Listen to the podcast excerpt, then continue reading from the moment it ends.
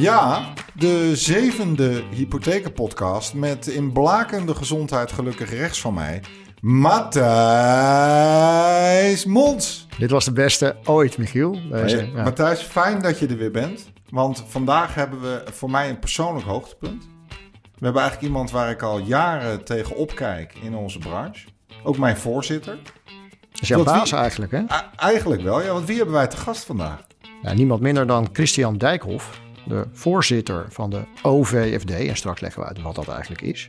En, En natuurlijk de oprichter en eigenaar van Hypotheek Company. Een van de belangrijkste franchise-formules in Nederland. ja, wij gaan zo meteen eh, met eh, Christian onder andere praten over de toekomst van franchise. Of je beter een zelfstandig kantoor kan zijn of je aan kan sluiten bij een formule. En wat de rol van de OVFD de afgelopen negen jaar al is, waarin Christian voorzitter is. Ik kijk ernaar uit. En zo nog een paar dingetjes. Laten we beginnen.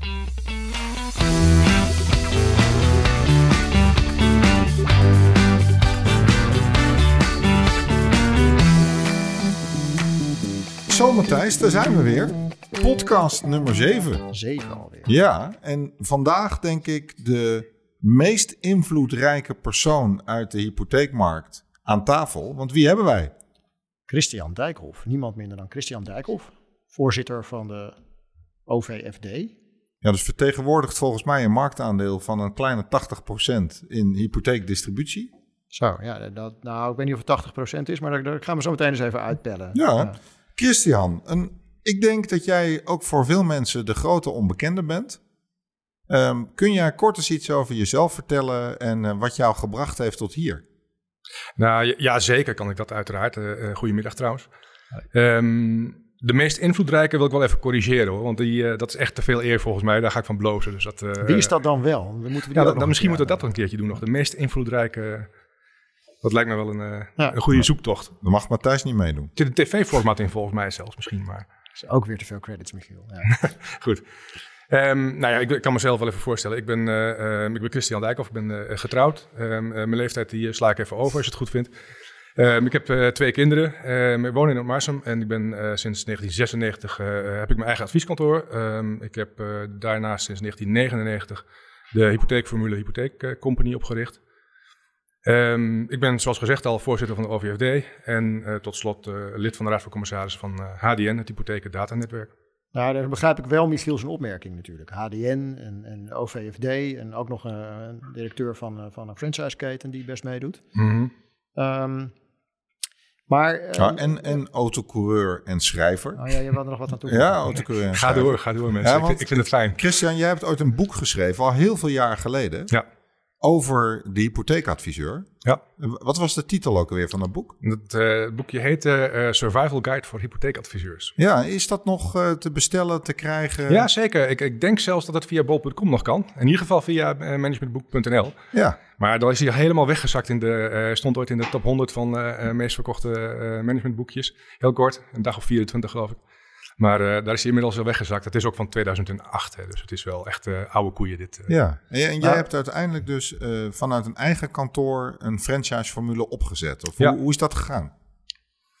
Ja, hoe gaat zoiets? Kijk, eh, eh, uiteindelijk constateer je als, eh, ehm, als ondernemer in dit vak een behoefte. Kijk, en bij mij was het eigenlijk heel duidelijk dat ik merkte dat mensen je zagen als verzekeringsboer. Weet je, en dat is, eh, ik kom toevallig uit het oosten, dus dat woord mag ik misbruiken, denk ik. Ehm, dat is waar veel eh, toen nog assurantie-intermediairs tegenaan lopen, volgens mij. Dat je eh, gezien wordt voor de verzekeringen, dat is ook de klik die in het hoofd zit bij de mensen. Maar niet als allround financieel adviseur die ook hypotheekadvies doet eh, op een goede manier. En daar wilde ik wat aan veranderen. Dus ik ben met een label begonnen. Ik dacht, dat heb ik nodig om te laten zien iets waar het woord hypotheek in staat... in plaats van mijn eigen naam die op mijn assurantiekantoor prijkt. Ja, en jij dacht toen van ik pak een typisch Twentse naam, Hypotheek Company. Ja, ja, ja, dat, ja, dat, dat klinkt ook heel logisch. Ja, precies. Ja, nou ja, weet je, zoals zoveel dingen er wordt eh, heel veel bepaald door toeval. En ook deze was eh, toeval eigenlijk, ehm, eh, weet je, op zoek naar een naam met hypotheek erin, bleek dat toch heel veel eigenlijk al wel geclaimd was, weg was en, en niet verkrijgbaar was. En ja, al afpellende kom je bij eh Hypotheek Company en toen dacht ik, goh, dat is eigenlijk wel, dat klinkt wel goed. Ja, en, Ja. en had jij dan bij aanvang ook al het beeld dat je daar een franchise-formule van wilde maken? Of was dat gewoon naast je huidige kantoor? Ik zou liegen als ik ontken dat ik daar niet stiekem van droomde toen. Oké. Ehm, ik dacht wel, goh, het zou wel leuk zijn om, om eens... Ik zou, ik zou het heel spannend vinden om te zien of je uit het niets toch zo'n label uit de grond kan stampen. Dat zeg maar, nou ja, toch landelijke bekendheid uiteindelijk krijgt. Het is wel leuk, Matthijs, trouwens, om iemand aan tafel te hebben die droomde van het opzetten van een franchise-formule. Want jij hebt me ooit uh, verklapt dat jij droomde van Samantha Fox toen je klein was. dat is toch een heel ander kaliber. Ja, daar hangt de posters van boven. Ja. ja, ik kan me ook heel goed voorstellen dat je droomt van het opzetten van een franchise-formule. Ja, want, want hoe, kwam, hoe kwam jij... Dat was echt een, een beeld wat je voor jezelf al had. Ja, weet je, ik, ik, zag wel zeg maar die behoefte. En ik, ik sprak natuurlijk wel meer uh, collega-ondernemers die allemaal met dezelfde problematiek liepen. Toen dacht ik, goh, daar, daar moet toch ergens iets in zitten. Nou ja, en, zo van het een komt het ander. Ik moet eerlijk zeggen dat ik niet eigenlijk voor ogen had precies hoe groot dat zou worden en welke kant het op zou gaan en waar je tegenaan loopt. Maar al niets vermoedend en naïef als je op die leeftijd bent, uh, dacht ik van nou ja, we gaan het gewoon doen. Maar waar, waar sta je nu, uh, om even dat beeld te schetsen? Nou, zo rond de 100 vestigingen. Ehm, we bestaan meer dan 20 jaar inmiddels.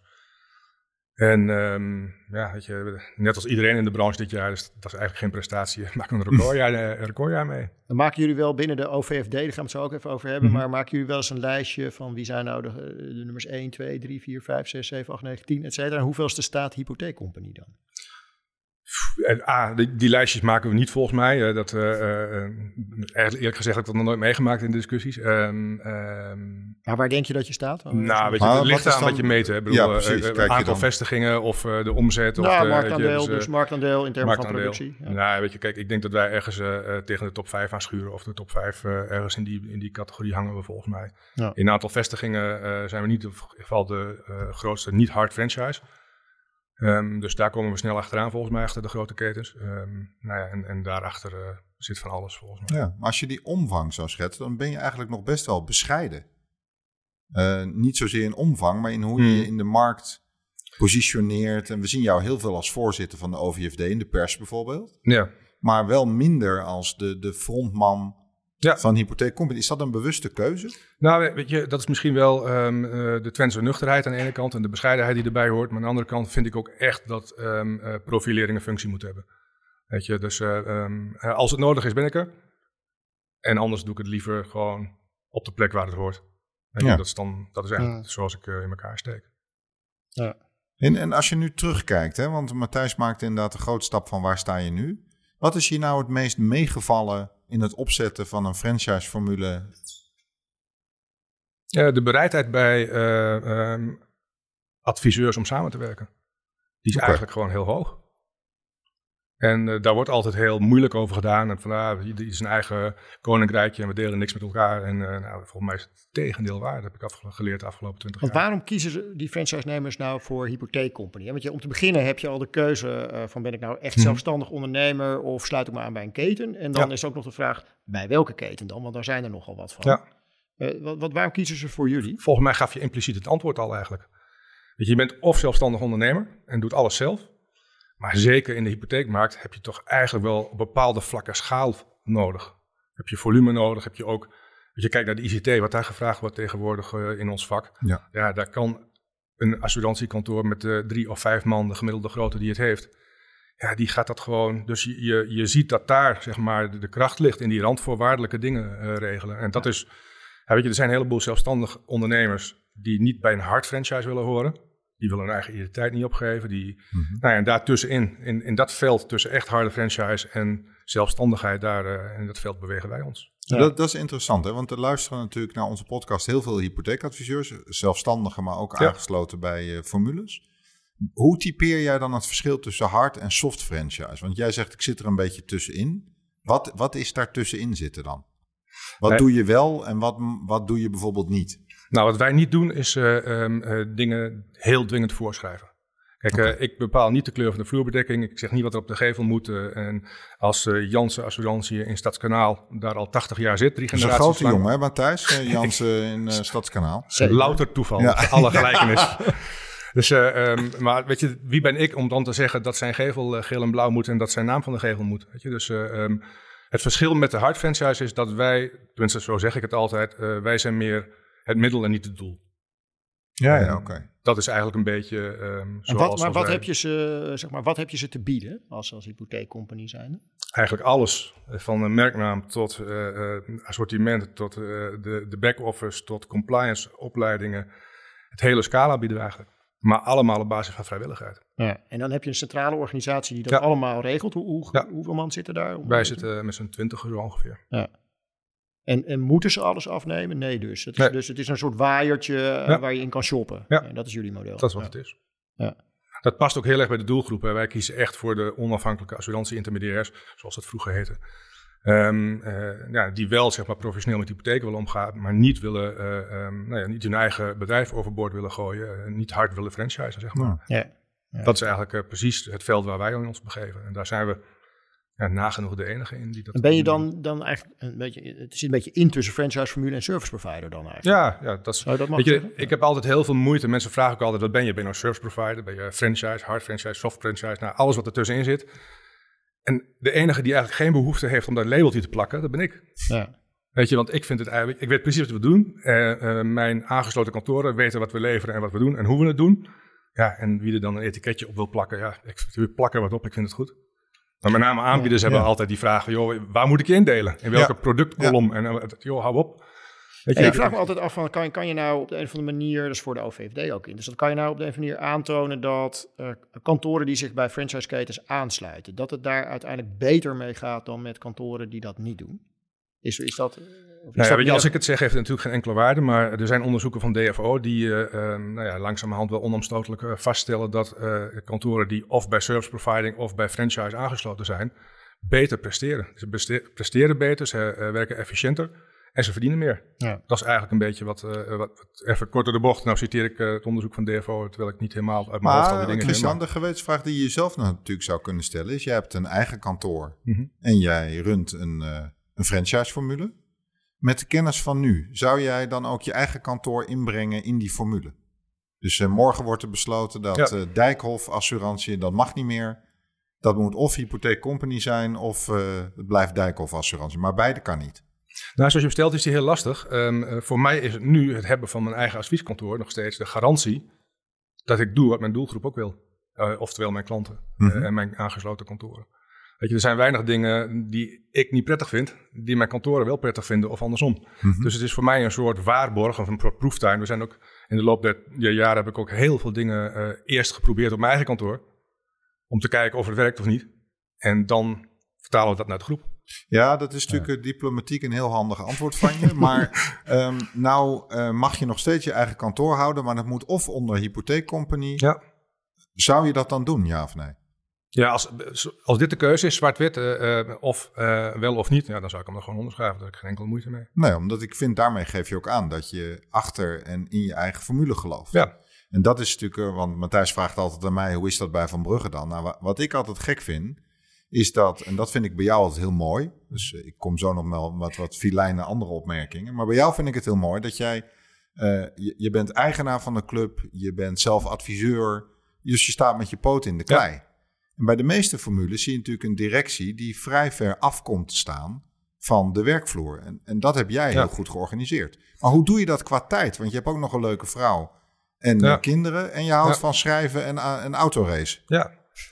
Nou ja, er zit 24 uur in een dag. Je moet er een paar slapen en de rest uh, die kan je besteden, toch? Dat is eigenlijk, weet je wat het is. En, uh, weet je, ik moet eerlijk zeggen dat um, dit jaar, gek genoeg, valt het eigenlijk wel mee. Want ik mis heel veel reistijd. Dus naar Den Haag, naar uh, Amsterdam. Die dus. Ja.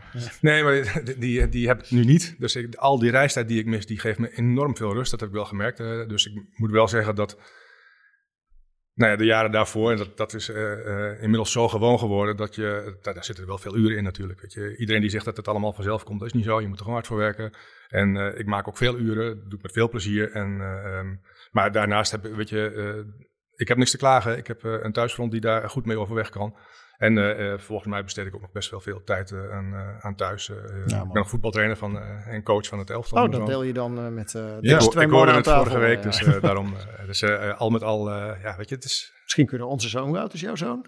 Mijn zoon is 13. 13, ja, dat is prima. Die kan prima tegen die van ons spelen. Dus dat moeten we dan ook nog maar een keertje gaan opzetten. Dat gaan we regelen dan. Um, voor als het weer mag, hè. Dat mag helemaal niet nu. Maar dat even terzijde, want dat vinden onze luisteraars helemaal niet interessant. Um, Maar eh, ik ben ook nog, uh, dat deden we ook, ik ben, ik ben niet hypotheek franchise ondernemer geweest, maar ik ben wel een tijdje commissaris geweest ja. bij Hypotheekvisie. Um, was dat, gaat alweer een tijdje terug. Maar ik ervaarde daar wel altijd dat, dat, dat, dat zeg maar, gezonde spanningsveld tussen de belangen van de franchise-nemer en de belangen van de centrale organisatie. En natuurlijk was er heel veel ook altijd gedeeld belang, maar ik was nu even op zoek naar dat spanningsveld. Hebben jullie dat, dat bij Hypotheek Company ook? En, en hoe ga je daarmee om? Ik ervaar het niet zo, eerlijk gezegd. Um, maar dat komt ook wel een beetje door de vorm die wij hebben gekozen. Um, wij zijn als formule ongelooflijk dienend aan de kantoren die wij uh, ja, die we dienen. Mm-hmm. En um, dus ik heb eigenlijk, uh, weet je, mijn, mijn motto is: zolang met kantoren het goed hebben, heb ik het ook goed. En met dat simpele motto voel ik eigenlijk heel weinig spanning op die, op die lijn, zeg maar. Uh, dat, nou, dat, dat is mooi. De, de, de, de, nou, ik denk ook wel dat wat hierbij helpt, Matthijs, ja? dat als je natuurlijk niet heel hard op het echte hard franchise gaat zitten, mm-hmm. blijven ondernemers ook het gevoel houden dat ze manoeuvreerruimte ja, hebben. Ja, zeker. En als je dat doodslaat, dan krijg je denk ik de, de conflicten die we gewoon ja, in de sector Dat heeft heel veel te maken met hard franchising en, en, en, en, en, en ook met uh, de mate van zeg maar, uh, eigen directe activiteiten die je gaat opzetten. Bij veel ketens mm-hmm. is natuurlijk wel het spanningsveld ook geweest dat de centrale organisatie zelf rechtstreeks uh, dienstverlening naar die klant ging aanbieden. Of in ieder geval delen centraal doet. Ja. Uh, en dat kan tot veel, veel discussie en argwaan leiden. Ja, of Herken je dat? Mm, ja, weet je, in, zoals jij het vertelt wel. Maar ik moet eerlijk zeggen dat ik eigenlijk wel vind dat de laatste jaren dat verschil tussen service providing aan de ene kant en hard franchising aan de andere kant, alleen de term is eigenlijk al dat je denkt van, goh, weet je, dat is een beetje een nare term volgens mij. Dus ja. Eh, ik zie gewoon heel erg dat, dat franchising opschuift naar veel meer begrip hebben voor de ondernemers die eronder zitten. En, en dat service providing opschuift naar veel meer franchise-achtige activiteiten. Dus daar waar dat spectrum vroeger heel breed was, zie je eigenlijk volgens mij dat het wel steeds meer in elkaar schuift. Als een soort van harmonicaatje. Dat, die bandbreedtes worden volgens mij veel minder groot. Waarom gebeurt dat? dat, dat misschien ook even nou, dat we eens wat vooruit. Ja, want daarna wil ik nog heel even naar de consolidatieontwikkeling. Hè. We kunnen ja. kijken hoe Christian kijkt naar ketens. Ja, maar daar komen we vanzelf uit, ja. Michiel. Komt helemaal goed. Komt helemaal goed. Maar eventjes, dus, dus, in, eh, dus mijn vraag was, hè, jij, jij schetst mm -hmm. uh, service providing, begint steeds meer op franchising te lijken, hard franchising, soft franchising, dat begint ook allemaal een beetje naar elkaar toe te groeien. Ja. Uh, hoe komt dat dan? Nou, ik, weet je, ik denk wel om, dat, dat het gewoon een kwestie is van de maatschappelijke ontwikkelingen. Weet je, het, het is niet meer. Nou ja, kijk, er is nu zelfs een franchisewet die, uh, die bepaalt dat er balans moet zijn tussen franchise-nemer en franchisegever.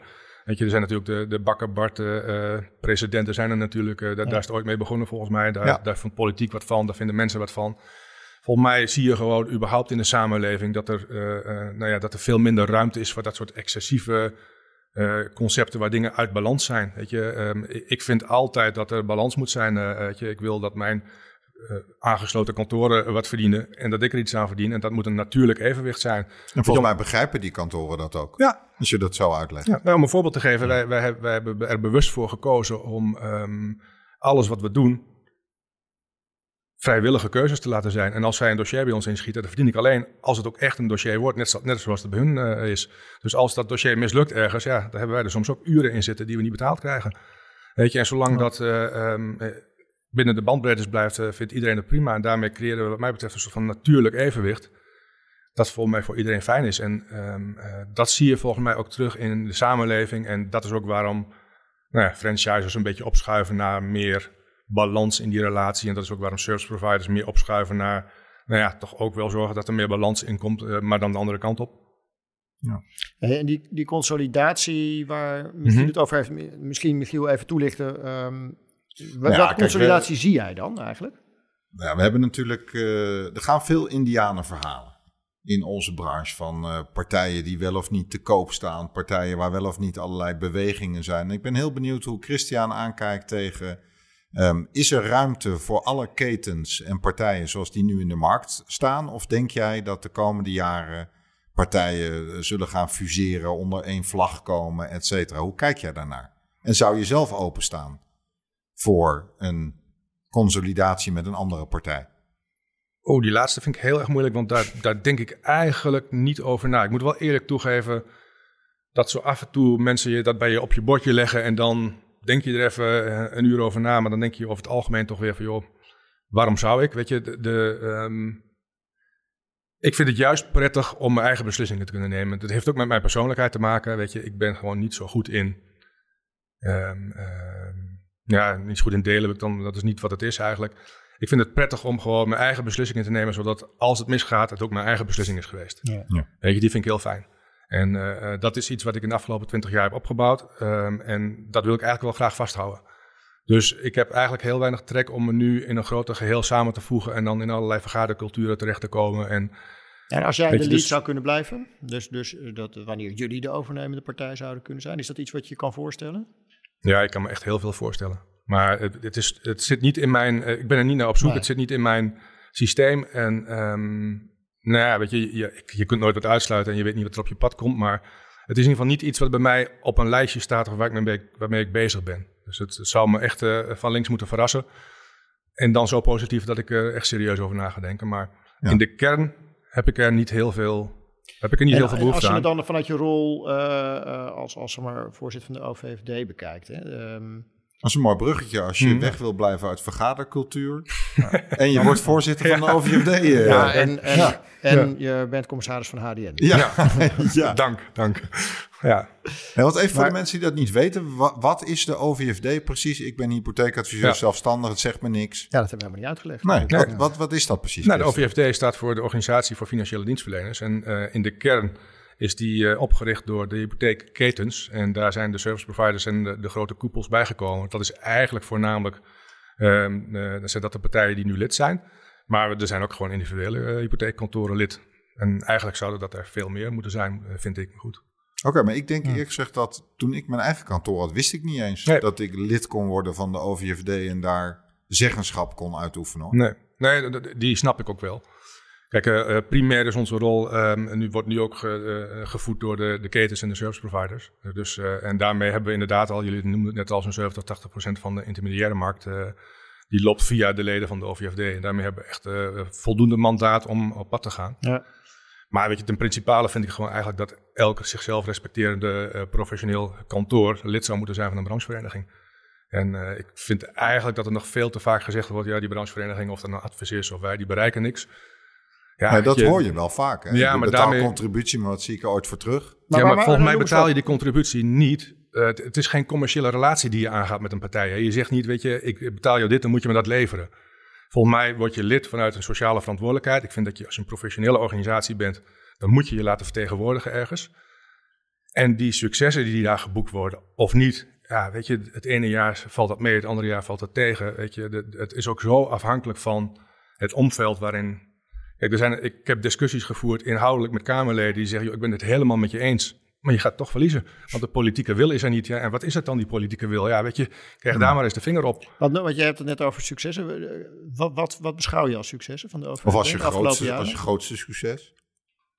Nou, weet je, het, is, het zijn een aantal, het zijn er zoveel. We hebben uh, de jaarverslagen van de OVFD zijn over het algemeen 50, 60 pagina's dik. Dus we, we, we halen echt dingen naar voren.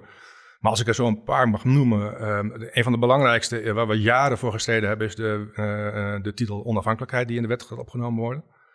Um, daar zijn ze nu mee aan het vormgeven. Daar, uh, daar voeren we gesprekken over, over hoe dat dan vorm moet krijgen. Maar wij zijn daar eigenlijk de initiatiefnemer van geweest, omdat we vinden dat het heel erg raar is dat consumenten bij een bank naar binnen gaan en denken dat ze hetzelfde krijgen als bij een onafhankelijk adviseur. En dat die ook allebei dezelfde titel mogen voeren. Ja. En uh, uit onderzoek blijkt nog steeds, hè, zelfs op dit moment, dat 1 op de 10 consumenten denkt dat hij bij een bank ook gewoon producten van een andere uh, meegekregen krijgt. Nou, SNS is daar een uitzondering op, maar de gemiddelde consument is daar veel te um, um, nou ja, onwetend voor. Ja, en ik vind dat als je dan die hele wetgeving optuigt om consumenten te beschermen, is dit een essentieel onderdeel die je zou moeten pakken als wetgever. Nou, maar gaat die, die term dat dan veranderen? Want, want heel veel consumenten zijn toch ook niet gek? Die, die weten dat toch eigenlijk ook wel? Ja, het onderzoek blijkt andere dingen. En uh, ik vind, kijk, um, het gaat in ieder geval uh, in positieve zin toe bijdragen. Of, of dat de consument helemaal verandert, weet je, zo naïef ben ik ook niet. Maar ik vind wel dat, weet je, als je als wetgever zegt, wij gaan over die branche 10, 15 jaar geleden beginnen met een, met een traject. We storten daar allerlei wetgeving over uit die de consument moet beschermen. En je vergeet dan tussen aanleidingstekens om het belangrijkste asset die een adviseur heeft, namelijk zijn onafhankelijkheid ten opzichte van een bank, ja. om die vorm te geven in die wetgeving. Ja, dat vind ik gewoon een, een omissie. Die, die moesten we repareren. Nou, dat heeft zeven jaar duwen en trekken gekost. Maar uiteindelijk gaat het er nu van komen. Nou, en dat vind ik wel echt een succes dat bij de OVFD thuis hoort. Want hoe lang ben jij nu voorzitter van de OVFD? Volgens mij zit ik nu in mijn negende jaar, als ik het goed heb. En dat is iets waar je jaarlijks voor herkozen wordt? Even nee, het zijn termijnen van drie jaar. Oké. En uh, uh, volgens mij moet ik op de volgende ALV uh, aangeven of ik nog weer beschikbaar ben. Dus, en er is geen, een, niet zoals bij een presidentschap in de Verenigde Staten, een limiet van acht jaar. Nee, dus dat, de statutair is daar geen limiet. misschien dat een aantal mensen het wel een keer genoeg vindt. Maar, dat is nou het Russische model. Ik, ik begrijp dat dit het Russische model is. Maar nou, kan ik daar tussen jouw regels door beluisteren dat jij je verkiesbaar stelt voor de vierde termijn? Dat zou wel een primeur zijn als je dat tussendoor ja, luistert. Ja, oké. Ja. Ja. Nou, maar dat is wel zo, denk ik. ja. ja, leuk. Hey, we hadden het even over successen. Is, is er nog één die, uh, die in je opkomt uh, naast die onafhankelijkheid? Ja, nou, wat ik zelf, uh, kijk, um, en generieke, en ik zal hem wat specifieker noemen. Um, en generieke nog is dat ik vind dat de afgelopen vijf tot zeven jaar de positie van de OVFD bij AFM, ministerie, Tweede Kamerleden en zo. Dat is echt een stevige positie geworden de afgelopen vijf tot zeven jaar. een logische gesprekspartner geworden. Ja, weet je, alles op hypotheekgebied. Als er iets is op hypotheekgebied, wordt eigenlijk de OVFD als eerste benaderd om daarover te praten. Ja. Nou, dat vind ik een hele logische stap. Dat is eigenlijk de laatste vijf tot zeven jaar echt goed, stevig uh, tot stand gekomen. Nou ja, dat is, uh, weet je, net zo logisch dat het is dat het over schade gaat, schadeverzekeringen, dan dat ze advies bellen. Ja, bellen ze ons voor ja, hypotheek uh, ja. en, haken. En, en wat, waar maken jullie dan zeg maar druk over nu voor, voor de komende 1, 2 jaar? Dus wat zijn de thema's? Oh, ook weer, uh, weet je... Ja, hoef niet volledig te zijn, uit maar... al die thema's eentje kiezen, dat, daar zou ik al die andere thema's tekort mee doen. eentje die ik zelf, één of twee die ik zelf heel belangrijk vind, is... Um, ik vind de, de rol van de AFM, die, die, daar moeten we echt op een positieve manier met z'n allen uh, wel over hebben, vind ik. Want, ik, ik, ga uh, daar niks over zeggen hoor, Matthijs nu. Ik zie je naar mij kijken, maar de, de, rol van de AFM en de productontwikkeling en betutteling zul je mij niet over horen nu. Dit is altijd een interessant onderwerp natuurlijk. Waar, waar, waar, waar doe je precies op? Uh, nou, ik, ik, vind dat de AFM af en toe te generiek de zaken plat slaat om, nou ja, om uiteindelijk de markt onder controle te houden. En, um, en de laatste onderdeel dat nu actueel is, is de verzilverhypotheek daarvan. Daar hebben ze een stuk over uitgebracht ja, met een, met een min of meer teneur daartussen dat dat eigenlijk allemaal geen goede producten zijn. Ja. En ik vind dat de AFM de rol van een toezichthouder is dat ze excessen uit de markt halen, dat ze die A opsporen en die uit de markt halen en daar wat mee doen, maar niet de hele markt plat slaan. En nu zie je al dat de eerste aanbieders hun productintroducties van verzilverhypotheken maar weer terugtrekken, omdat ze denken, ja, ja, ja, is dat nou nog wel een handige route? Ja, weet je? Terwijl dat niet categorisch een slecht product hoeft te zijn. Nee, natuurlijk. nee dus, weet je, uh, sterker nog, ik vind, maar misschien is dat wat kort door de bocht, maar dat gaan ze me wel vergeven bij de AFM, denk ik. Ik vind het eigenlijk een buffet van onvermogen dat ze zichzelf geven. Hmm. Als je de hele boel moet platslaan, terwijl je gewoon de excessen eruit kunt halen. Nou, als er iets makkelijker is, dan is het de verzilverhypotheek, want er zijn nog niet heel veel aanbieders in, er zijn nog niet heel veel excessen in. Nou, als er daar dan iets mis zou zijn, zou je dat gewoon één op één met die mensen kunnen uh, repareren en ja, weet je, ik vind dat generiek platslaan, eh, dat, dat staat me een beetje tegen de borst. Omdat het ook alle innovatiekracht uit de markt haalt daarmee. Nou, ik zou zeggen, waarvan akte? Zo, ja, dus zo zou ik dat toch... Uh... Matthijs, we hebben eigenlijk nog tijd en jij hebt vandaag het genoegen. Jij mag, jij mag de laatste vraag stellen aan Christian. Ja, die laatste vraag is dan toch wel... Um, hoe zie jij nou de toekomst voor franchising in de hypotheeksector? Of is er geen toekomst? Dat zou natuurlijk ook het antwoord kunnen zijn. Dat tussen de regels door meen ik gehoord te hebben dat die er wel is. Ja. ja. Nou ja, weet je, volgens mij is er um, in Nederland een, uh, een heel goed volwassen speelveld. Uh, daar is ruimte voor goede franchisers, goede service providers en ook goede individuele kantoren. Weet je, dus op zich, ja, ik zie die toekomst zelfs zondag in. En net als in elke andere sector, in elk ander bedrijf, zul je de goede dingen moeten doen om succesvol te zijn. Dat is in onze branche niet anders. En als je daar de goede keuzes in maakt, dan gaan klanten dat volgens mij onmiddellijk herkennen. En ik maak me daar eigenlijk niet zo heel veel zorgen over. Oh, dat is wel fijn, Matthijs, dat we zo eindigen. dat is een hele positieve noot. Lekker. Nou, ja. dank voor het luisteren.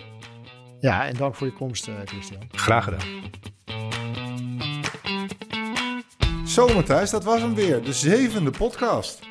Ja, die vloog dus ook weer voorbij. Hè? Ja, ik, ik vond... Wat, uh, wat is jou nou het meest bijgebleven hiervan? Nou, ik vond dat, eh, dat Christian heel genuanceerde uitspraken deed over uh, franchise, de toekomst van franchise en uh, zelfstandige kantoren. Dat vind ik echt heel mooi hoe hij dat belicht heeft. En dat hij natuurlijk best stevig zit in hoe de AFM nu acteert. Ja. Ja, die, die kan ik zien. Ja.